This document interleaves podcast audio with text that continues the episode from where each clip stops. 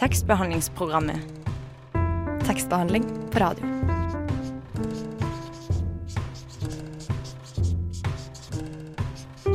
Tekstbehandlingsprogrammet.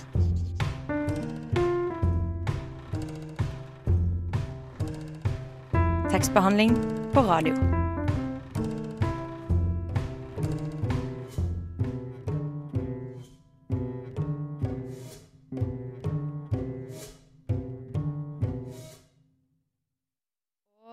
Der hørte du vår helt nye jingle. Eh, det var på tide, vil kanskje noen si, at eh, tekstbehandlingsprogrammet fikk en ny jingle. Vi er altså Radio Novas litteraturmagasin, og det er veldig bra at du hører på oss akkurat nå, fordi forfatter Tina Aamodt gir ut boka 'Det blir aldri lyst her i høst', og hun kommer og leser for oss i dag. Blogger og forfatter Linnea Myhre har gitt ut boka 'Kjære', og vår anmelder Marie Alming sa dette om Myhres forrige bok 'Evig søndag'. Jeg husker at jeg ble litt skuffa. Det føltes liksom mest som slapt redigerte dagboksnotater uten noe særlig handling, ikke noe framdrift, ikke noe litterært spennende. Jeg lurte veldig på hvorfor du kalte boka for roman, når det helt tydelig handlet om deg i virkeligheten, bare litt redigert. Er det fiksjon, tenkte jeg. Ja, det blir spennende å se om eh, Linnea Myhres nye bok 'Kjære' gir samme inntrykk, eller om den er noe mer enn bare løst sammensatte blogginnlegg. Men aller først får vi besøk av redaktør eh, i den siste utgaven av litteraturtidsskriftet Camilla, og aller, aller først litt musikk. Jeg heter Maria Lokna, og med meg i studio er Nora Helseth. Stay tuned, som de ikke sier på norsk.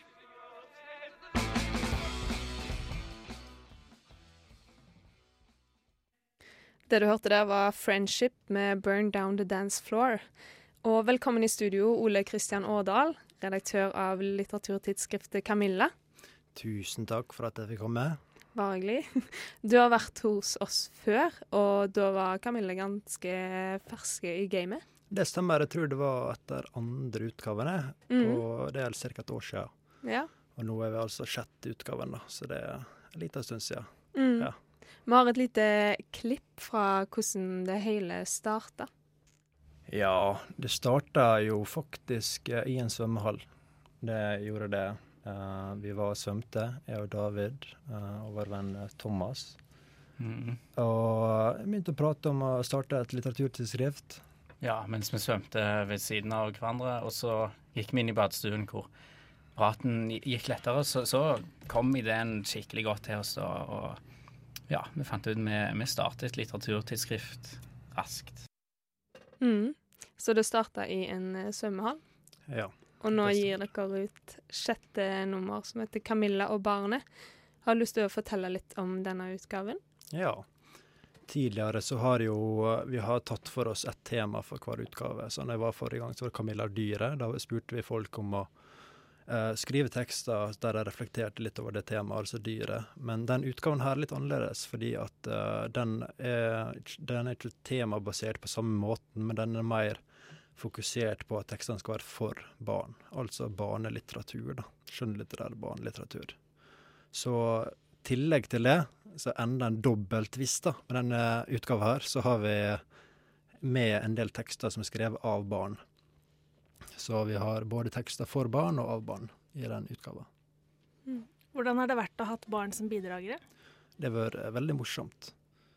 Det har jo vært en helt annen, annen type tekster og litt annen måte å forholde seg til det, men det var jo litt den tanken bak da når vi starta, eller når vi begynte å jobbe med den utgaven her, at vi ønska tekster fra barn. Og vi ønsker å ta de tekstene alvorlig eh, og på en måte behandle dem som litteratur, da. Ikke bare som eh, ja, ofte når barn måtte skrive og lære seg å skrive, så er det ikke sånt rød strek under, og det er rettskriving og grammatikk som er det viktige å fokusere på, men vi har på en måte valgt å ikke fokusere så mye på det, men heller fokusere på dramaturgi og hvordan en bygger opp en historie og slike ting. Hva, eh, hva opplever du at barn er interessert i å skrive om? Ja, det er ganske interessant. da. Roboter har gått igjen.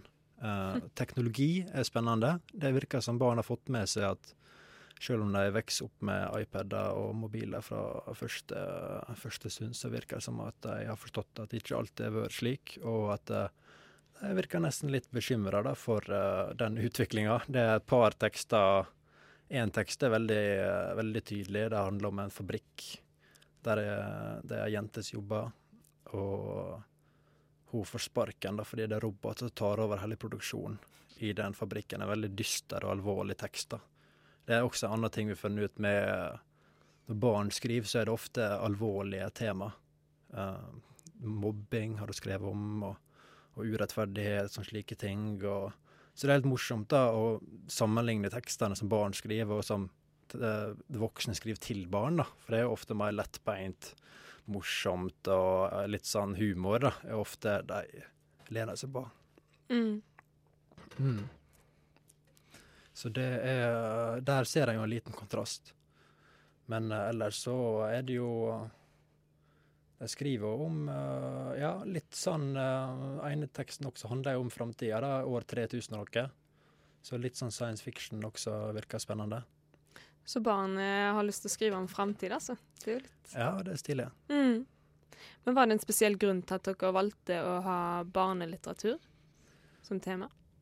Vi har, Ideen kom nok for ganske lenge siden, egentlig. Jeg hadde lyst til å gjøre en slik uh, greie. Uh, fordi det virker spennende, og vi har lyst til å prøve å utvikle oss litt. Uh, og så er det også at vi var så heldige at vi fikk jobbe med Steffen Sørum fra Cappelen Dam. Og han Ja, noen av oss går jo på Westerdals høgskole, og der der hadde vi han som foreleser mens vi gikk første året der, og ble, ja, ble ganske inspirert av hva han måtte ha sine tanker om barnelitteratur, da. Mm, Hvilke tanker er det? Nei, det var jo litt det jeg prata om, måte, hvordan barns uh, skriving ofte bare blir Det er ofte bare rettskriving og grammatikk, da, mm. og at det er en sjanger som er ganske satt, da.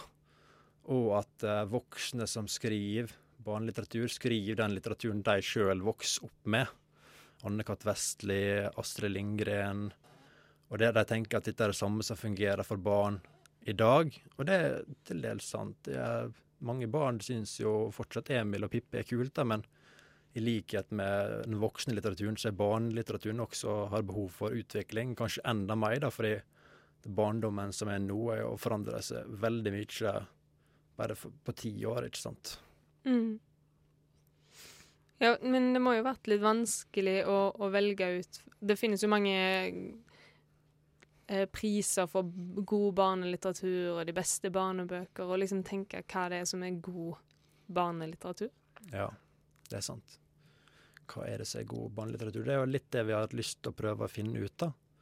Uh, vi har vel uh, hatt lyst til å prøve å utfordre litt den sjangeren også, og eksperimentere litt. Uh, men hva som er god barnelitteratur, det er jo Siden alle i redaksjonen ikke er barn lenger, da, dessverre, vi har blitt litt eldre, så kan jo ikke vi vite helt sikkert. Men vi har hatt, hvert fall prøvd å variere tekstene, at de er ulike. Og, forhåpentligvis uh, nyskapende, at de kan komme med noe nytt. Der hørte du Francisco Brien Brikeno med 'Vi kommer fra Beyond'. Og vi er fortsatt i studio med Ole Kristian Årdal, som er redaktør i litteraturtidsskriftet Camilla. Ja, jeg lurte på, selv om det er barnelitteratur som er tema, kan voksne få noe ut av dette også? Ja, det tror jeg absolutt, altså. Vi hadde jo eh, Slippfest på tirsdag. Da var vi så heldige at vi fikk med oss ett barn som var med og leste. Solveig het hun. Og hun var jo Ellers var jo folk over 20 for det meste. Eh, så det var veldig artig.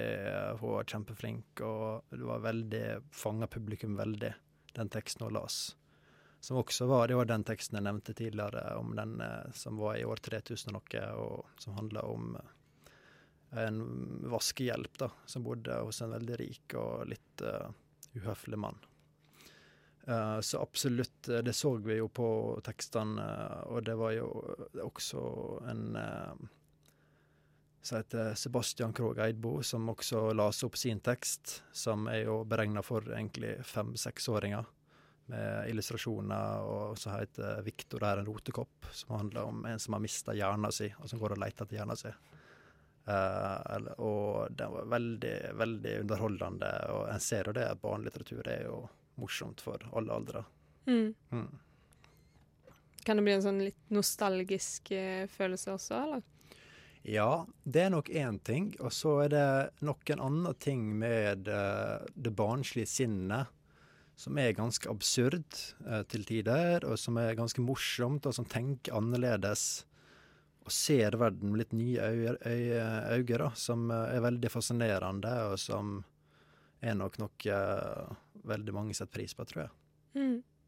Har du lyst til å lese opp for oss et, en tekst? Ja, det kan jeg gjøre, veit du. Hvilken, kan du kanskje presentere den først? Ja, jeg tenkte jeg skulle lese en tekst som heter 'Symaskin'. Og den er skrevet av Stener Torgersen Vågland, født 2002. Symaskin. Sara hadde akkurat våknet, klokka var 6.30 og det var veldig kaldt ute. Hun gruet seg til å dra den lange, kjedelige veien til jobben. Hvis mammaen hennes hadde levd, hadde hun kanskje hatt råd til en genser, en stor og varm genser som hun ikke hadde sydd selv.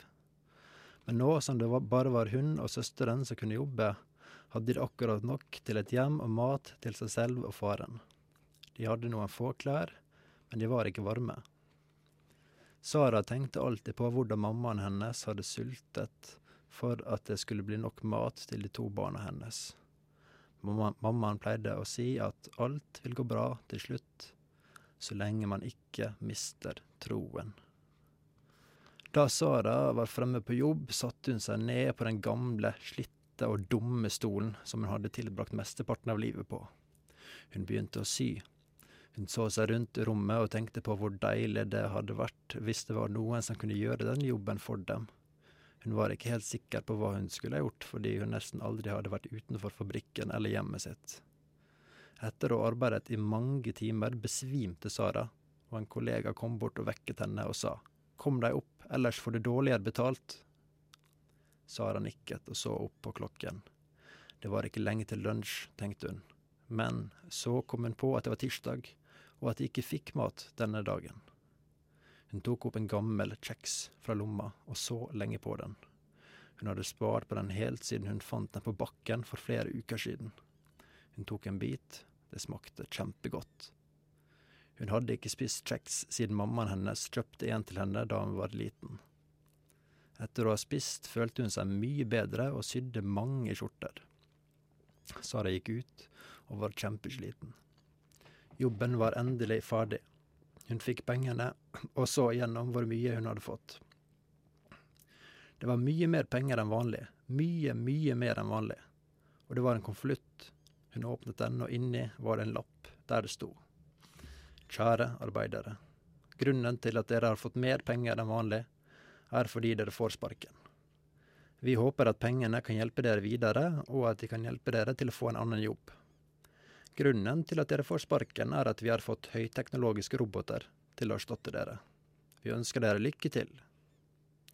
Etter å ha sett brevet satte Sara seg ned og gråt.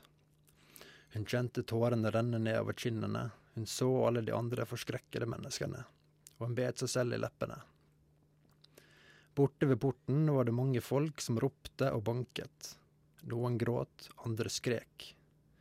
Midt i mengden var det en haug av politi som prøvde å roe den ned. De ropte 'dra hjem nå', ellers må vi hente slangen. Sara grep en stein. Hun var så sint og greide ikke tenke. Hun hev steinen mot ei rute og traff. Glasskårene falt over menneskene. Noen ble truffet, men brydde seg ikke. Sara løp mot alle sammen og tenkte at hun ikke kom til å klare seg uten jobben og livet hadde ingen mening. Alle pengene hun hadde fått, var ikke i nærheten av nok til å leve videre. Hun tok tak i en jernstang og begynte å slå politiet, men angret ikke. Hun slo hardere enn noensinne. En politimann hadde blitt truffet i hodet og falt sammen. Sara kjente blodsmak i munnen. Hun kastet vekk jernrøret og så på himmelen. Den var full av eksos, og det var varmt selv om det snødde. Politiet kom med en brannslange. De pekte mot Sara og traff. Sara ble skutt inn i et gjerde. Hodet hennes traff toppen, og hun kjente at blodet rant nedover ansiktet. Hun tenkte på det moren hennes hadde sagt, alt for mange ganger. Alt vil gå bra til slutt, bare du ikke mister troen. På grunn av dette visste Sara at det ikke ville gå bra, for hun hadde ikke noen tro lenger. Det er, jo, det er jo ganske alvorlige ting. Det er liksom jobb og penger, og det høres jo veldig voksent ut. Ja, veldig voksent. Den Mm. skrev han for et år siden, faktisk, så han var elleve år da han skrev den teksten. Mm.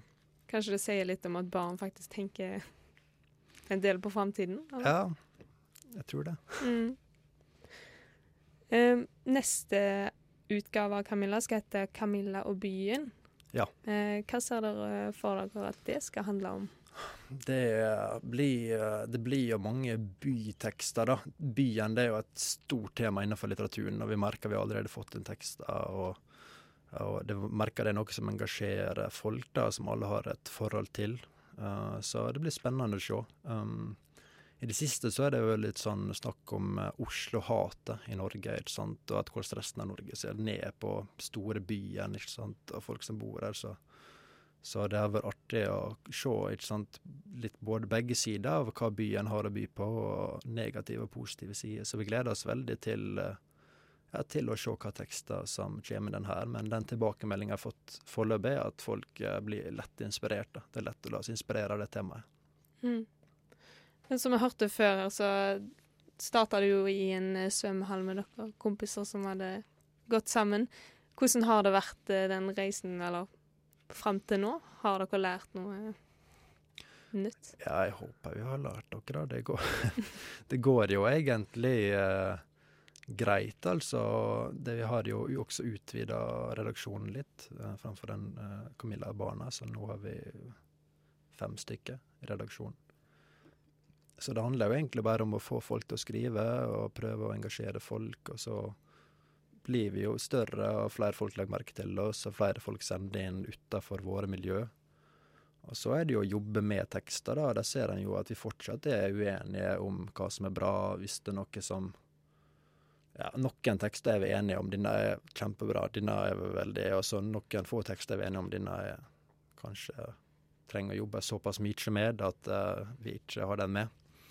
Mens uh, de fleste tekstene kan vi ha diskusjon, diskusjoner rundt. Altså vi ser ulike ting og uh, ser ulikt potensial i dem. Men opplever dere at folk er engasjert og vil skrive? Ja, absolutt. Absolutt. Det har vi, det har vi opplevd. Men så klart, vi tar alltid imot flere og flere, og det er artig å lese gjennom de ulike tekstene. Mm. Men uh, vi merker det at folk, er, folk syns det er kjekt å skrive for oss, ja. Mm. Tusen takk for at du kom i studio, Ole Kristian Årdal, redaktør i litteraturtidsskriftet Camilla. Tekstbehandlingsprogrammet når du vil lese med øra.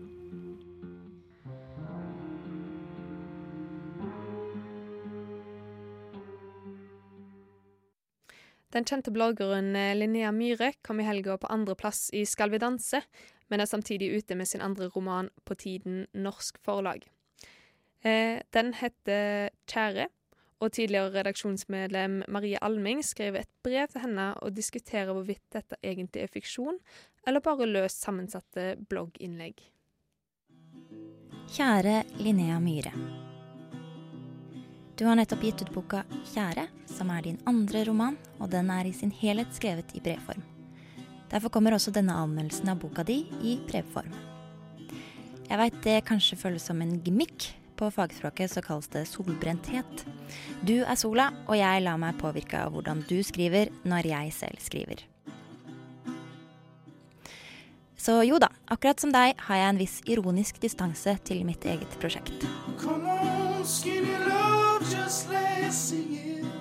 Jeg leste den forrige boka di også. 'Evig søndag' het den. Jeg husker at jeg ble litt skuffa. Det føltes liksom mest som slapt redigerte dagboksnotater uten noe særlig handling, ikke noe framdrift, ikke noe litterært spennende. Jeg lurte veldig på hvorfor du kalte boka for roman, når det helt tydelig handlet om deg i virkeligheten, bare litt redigert. Er det fiksjon, tenkte jeg. Å skrive om seg selv og plukke ut noen episoder, sette det sammen og så gi det ut mellom to permer. I kraft av den erfaringen du har gjort deg som anorektiker, så tenkte jeg at du hadde en hel masse opplevelser og tanker å dele rundt det å være opphengt i mat, og hvordan man kommer seg videre. Kanskje hadde jeg håpet at denne erfaringen kom mer ut i teksten. Men den var veldig lettlest, da. Det skal du ha. Når du sier at du skriver for en annen generasjon enn det Karl Ove Knausgård gjør, du skriver til en generasjon som vil ha ting litt mer konkret og umiddelbart, så er jeg enig. Jeg kastet ikke bort veldig mye tid på å lese den forrige boka di. Og jeg brukte også relativt kort tid på å lese den andre. 150 sider går fort.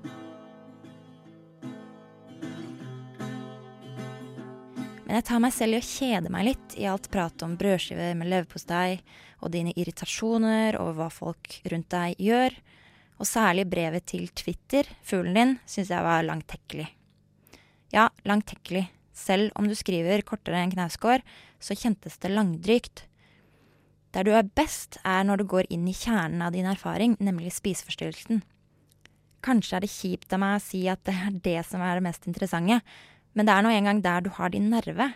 Når du svarer på e-poster du har fått fra jenter som ønsker å bli anorektiske, og spør deg om tips, så er du på ditt beste. Når du faktisk forteller istedenfor bare ramse opp synspunkter, da begynner det å ligne litteratur av det du gjør.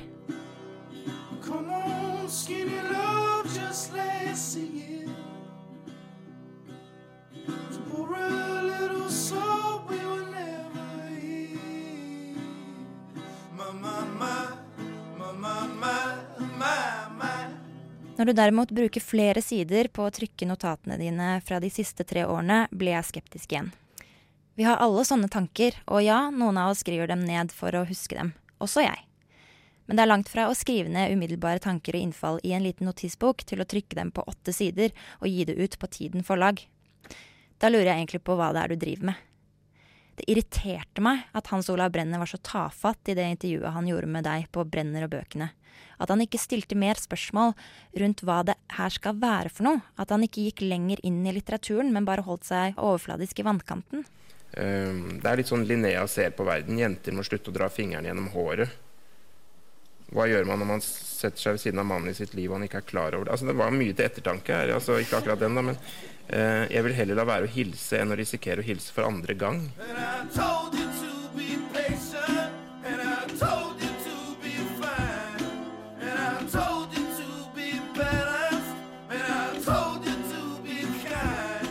Det er selvfølgelig urettferdig av meg å blande sammen den historisk-biografiske personen Linnea Myhre og den litterære karakteren Linnea Myhre.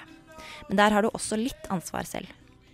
Du iscenesetter deg selv i bloggen din og i bøkene dine, jeg skjønner jo det, men det er så mange likhetstegn at folk blir forvirra. Dessuten er det jo opplagt at du ikke hadde fått gitt ut disse bøkene hvis du ikke allerede var en profilert person. For så bra er det ikke. Dermed er du nødt til å spille på at dette på et eller annet vis er ekte, selv om du kaller det en roman. Litt som Knausgård. Men jeg opplever ikke at du selv er helt klar over hvor grensene går. Ja, du skriver at disse brevene ikke skal besvares, at de egentlig ikke er til personen du sender dem til, slik at leseren forstår at det er litteratur, ikke virkelighet. Samtidig så henviser du til Skal vi danse, som vi vet at du har vært med på i virkeligheten. Du henviser til den forrige boka di, som vi også veit er ekte. Da veit du jo at vi leser som om dette er deg. Samtidig tenker jeg at det er litt feigt å gjemme seg bak fiksjonen. Hvis folk ikke liker det du skriver, kan du alltids bare si at dette ikke er deg, men karakteren Linnea Myhre. På den måten slipper man å stå for noe som helst.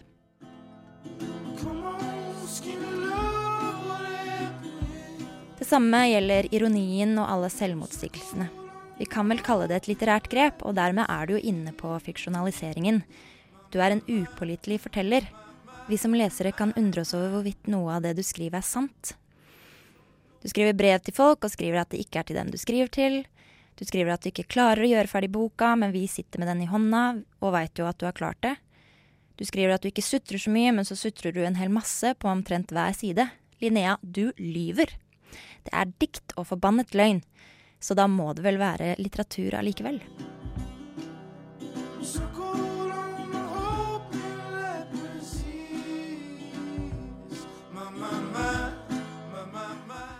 Så introduserer du et betimelig spørsmål. Kan man kritisere ei bok til noen som er psykisk syk, som står på randen av anoreksi hver eneste dag? Skal alle som leser boka di være snille og hyggelige og si at den er bra, fordi vi frykter at du ikke takler noe annet? Også her blir grensene mellom deg som forfatter og deg som litterær karakter visket ut. Jeg tenker at dette tåler du, for du har jo tydeligvis noe du vil si. Jeg er ikke helt sikker på hva det er, men jeg tror vi kommer til å finne ut av det etter hvert. Og du har vært en offentlig person lenge, så jeg gir deg min ærlige mening i dette brevet, slik du skriver din ærlige mening i brev om tidligere terapeuter, om kritikere av dine bøker, om restauranter og servitører som ikke har forstått helt hvor grusomt det er å være deg. Du kaller dem drittkjerringer, men så kaller du også deg selv drittkjerring, så da er det vel greit. Som bringer meg over på slutten av boka di. Jeg hater at du avslutter med brevet til Sondre, din kjæreste, istedenfor å slutte med brevet til deg selv. Det du sier med denne plasseringen, er at han er viktigere i livet ditt enn deg. Som om han har kommet inn fra sidelinja og reddet deg. Som om det ikke er din egen innsats som har gjort at du har det bedre og har mer kontroll over spiseforstyrrelsen i dag. At ingen sa til deg tidsnok at de to brevene skulle bytte plass. For nå blir boka di som alle romantiske komedier fra Hollywood. Du forteller eh, kvinner som identifiserer seg med deg, at de bare trenger å vente på den store kjærligheten for å bli reddet fra seg selv. Så alt som blir bygget opp i boka av sinne og frustrasjon og kamp mot dine egne regler i livet, ender i en klam kjærlighetserklæring til Sondre Lerche. Æsj, Linnea, du er bedre enn det. Boka skulle ha sluttet med disse ordene. Herregud, jeg er så stolt av deg, drittkjerring.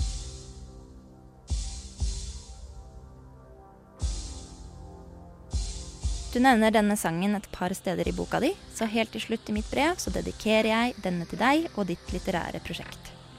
Fortsett å skrive, Linnea. En vakker dag blir du en stemme på størrelse med Karl Ove Knausgård.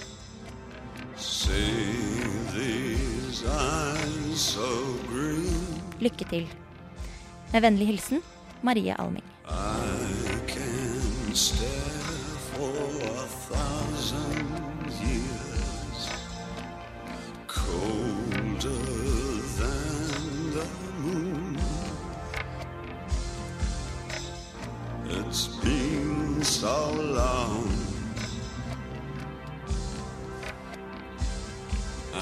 and I've been putting out fire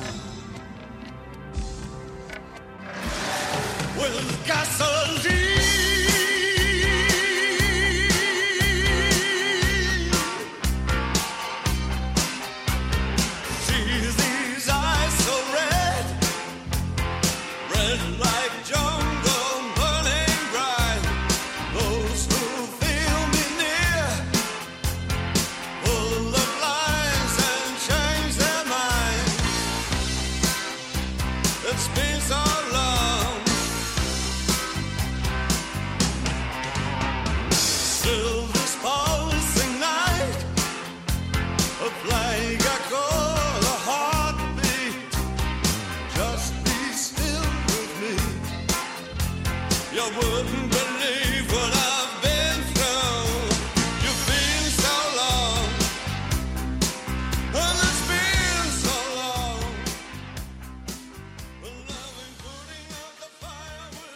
Der hørte du 'Cat People' av David Bowie.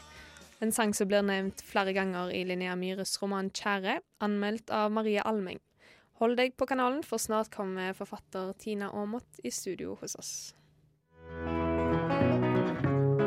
Tekstbehandlingsprogrammet kan du høre hver onsdag mellom 10 og 11 på Radio Nova. FM 99,3.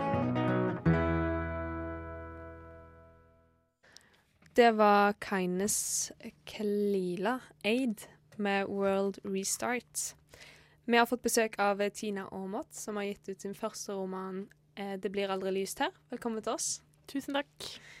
Du eh, debuterte med anleggsprosa i 2012, nei 2010, beklager, mm. som var kortprosa. Og nå har du skrevet en roman. Mm. Eh, hvordan har det vært? Um, det har vært uh, vanskelig.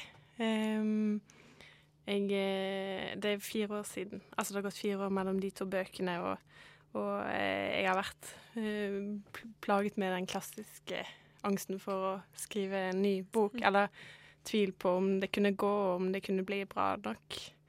Eh, men til slutt, eh, for et drøyt år siden, så, så eh, fant jeg bare ut at jeg måtte bare gjøre det. Det bare føltes veldig viktig for alt. Så da eh, har egentlig jobbet et år nesten, nesten fulltid med den, med den teksten.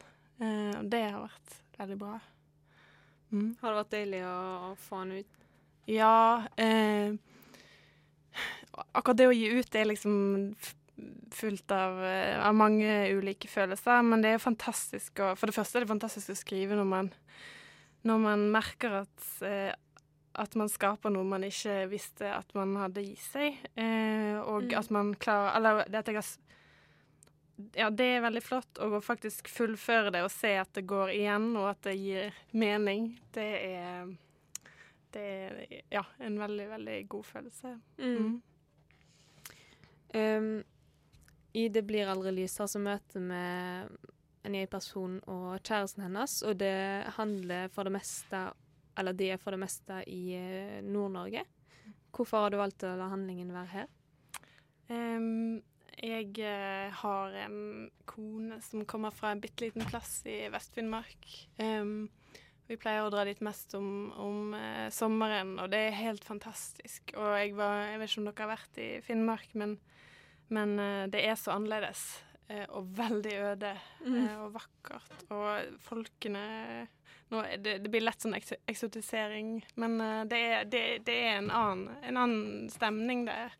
Eh, og så har jeg vært der noen ganger om vinteren og vært i der i desember når det er mørktid, og vært helt i sjokk over Mm. hvor mørkt det er hvis det er dårlig vær. Hvis det er fint vær, så er det vakkert og eh, storslått lys, men, men i mørket så er det virkelig mørkt. Og da er det jo Ja, at det kom inn i romanen, det, det føltes veldig naturlig, for det handler Det er jo en roman som handler om et forhold, og om et tett, destruktivt forhold. Og eh, det er en veldig sånn typisk eh, norsk eh, roman, Et typisk norsk romanmotiv at et par eller noen reiser til et sted, til utmarken, for å finne ut av et eller annet.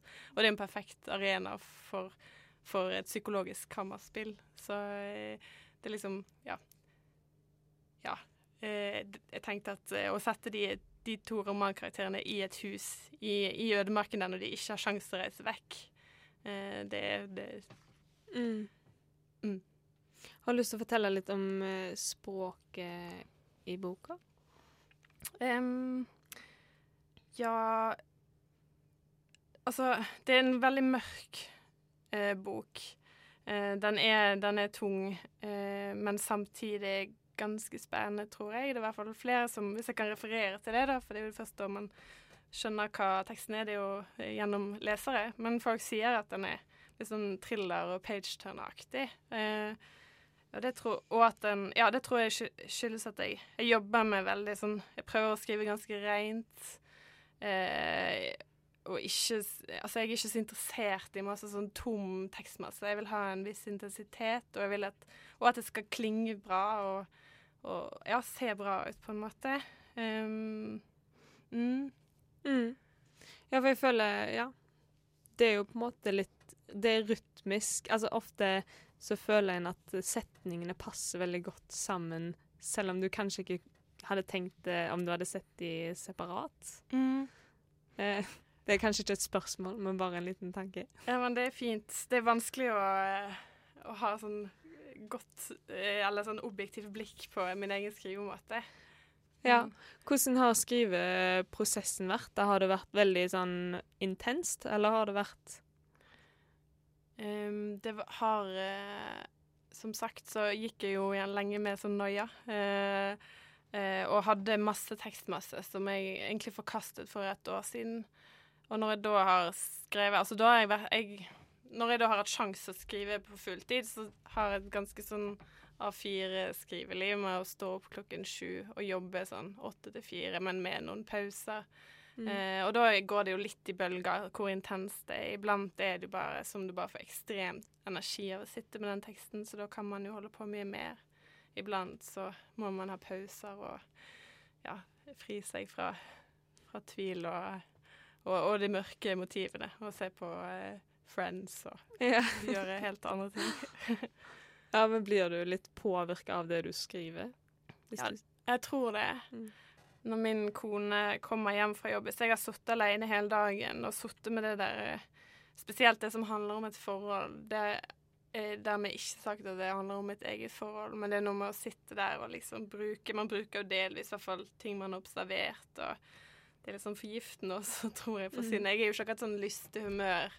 Eh, når, når jeg da møter folk igjen. Eh, samtidig så, så kan det jo være veldig bra hvis man føler at man har fått noe til. Så, Mm. så kan det kan jo også snu den veien, da. Mm. Og du har litt lyst til å lese for oss? Eh, ja. Eh, jeg tenkte jeg skulle bare lese to små, små utdrag. Det ene er den aller første teksten i boken, som er veldig kort, og så er det en del av et litt lengre parti. Flytter man ut i ødemarken, bør man være forberedt på hvordan minnet kan forråde. I ødemarken bor man i et enkelt hus. Man våkner opp til sin elskedes ansikt, hører nesten bare hennes stemme. Ingenting støyer om nettene. Ingen ringer på døren med truende begjær. Erindringen om klærne man ikke lenger bruker, viskes ut. Folk man daglig snakket med, får utydelige ansiktstrekk. Ens eget ansikt endrer seg. Man snakker om omgivelser og fangst og sviende blemmer i munnen. Man stoler på det man ser. Det er ingen sol. Etter en stund tenker man ikke noe særlig på huset, hvordan man ter seg i det, hvordan brønnvannet smaker, med hvilken styrke fingrene behandler kjærestens kropp. I drømmer har man sett sitt vanlige liv vike. Man lengter ikke tilbake. Helt frivillig har man flyttet hit.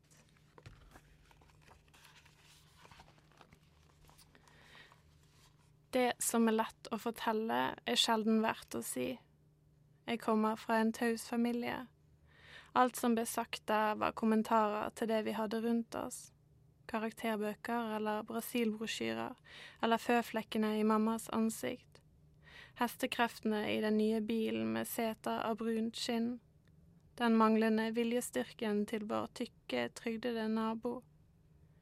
Da jeg var liten, var jeg ikke redd for å gyve løs. Jeg kastet meg mot harde guttehender og tenner. Jeg mistet hår.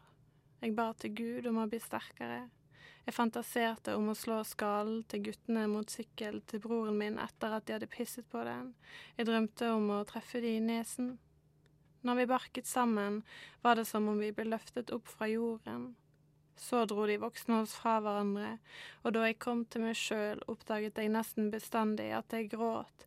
Smerten sluttet ikke å sjokkere meg. De voksne tok guttene hardest i armen, og noen ganger klemte de meg mot brystene sine. Det var det beste, å få trøst. Å bli eldre og å innse at å slå ikke lenger var et akseptabelt svar i skolegården, gjorde meg dypt ulykkelig. Man er stum og kan ikke forsvare seg mot klassekameraten som leser høyt fra dagboken han har stjålet, eller mot jentene som stiller seg i en løs ring og sier at man glor på de i garderoben. Man sminker ansiktet og håper det kan være nok, men man kan ikke holde på noens interesse om man ikke kan snakke for seg. Pappa ga meg det gamle kameraet sitt og en vei bort, en måte å snakke på uten at noen ba meg dempe stemmen. Da jeg gikk på folkehøyskolen og var sammen med Ann og prøvde å diskutere film eller feministiske strategier eller fotooppgaver vi var skeptiske til, dro Ann meg til side og hvisket meg i øret. Alle hører det. Du prøver å virke smart, men det ligger ikke for deg, du bare dummer deg ut. Jeg gjorde som Ann sa, på internatet og det lange året etterpå. Det var etter Ann at Eli kom og snakket i kortere setninger enn meg sa de riktige tingene, forløste noe i meg. Hun satte seg på huk og så meg inn i øynene etter den første og eneste håndballtreningen og spurte om det gikk bra. Kondisen min er elendig, sa jeg.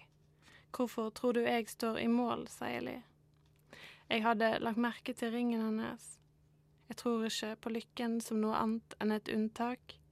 Det betyr ikke at jeg ikke omfavner den. Tusen takk for at du ville komme i studio, Tina Aamodt. Takk for at jeg fikk komme.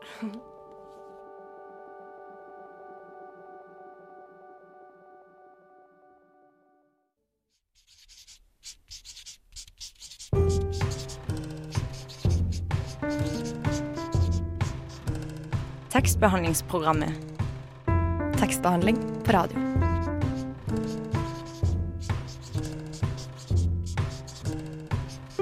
Tekstbehandlingsprogrammet.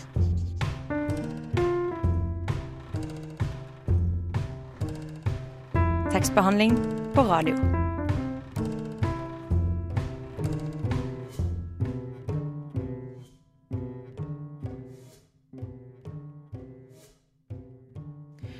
Tekstbehandlingsprogrammet er over for i dag. Gikk du glipp av sendinga, kan du finne den på podkasten vår på Soundcloud eller på radionova.no.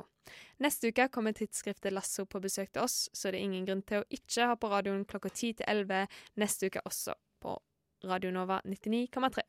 Med meg i studio var Nora Helseth, tekniker over som alltid Ida Matsson, og jeg heter Maria Lokna. Ha det bra. Radio Nova, FM 99,3 og radionova.no.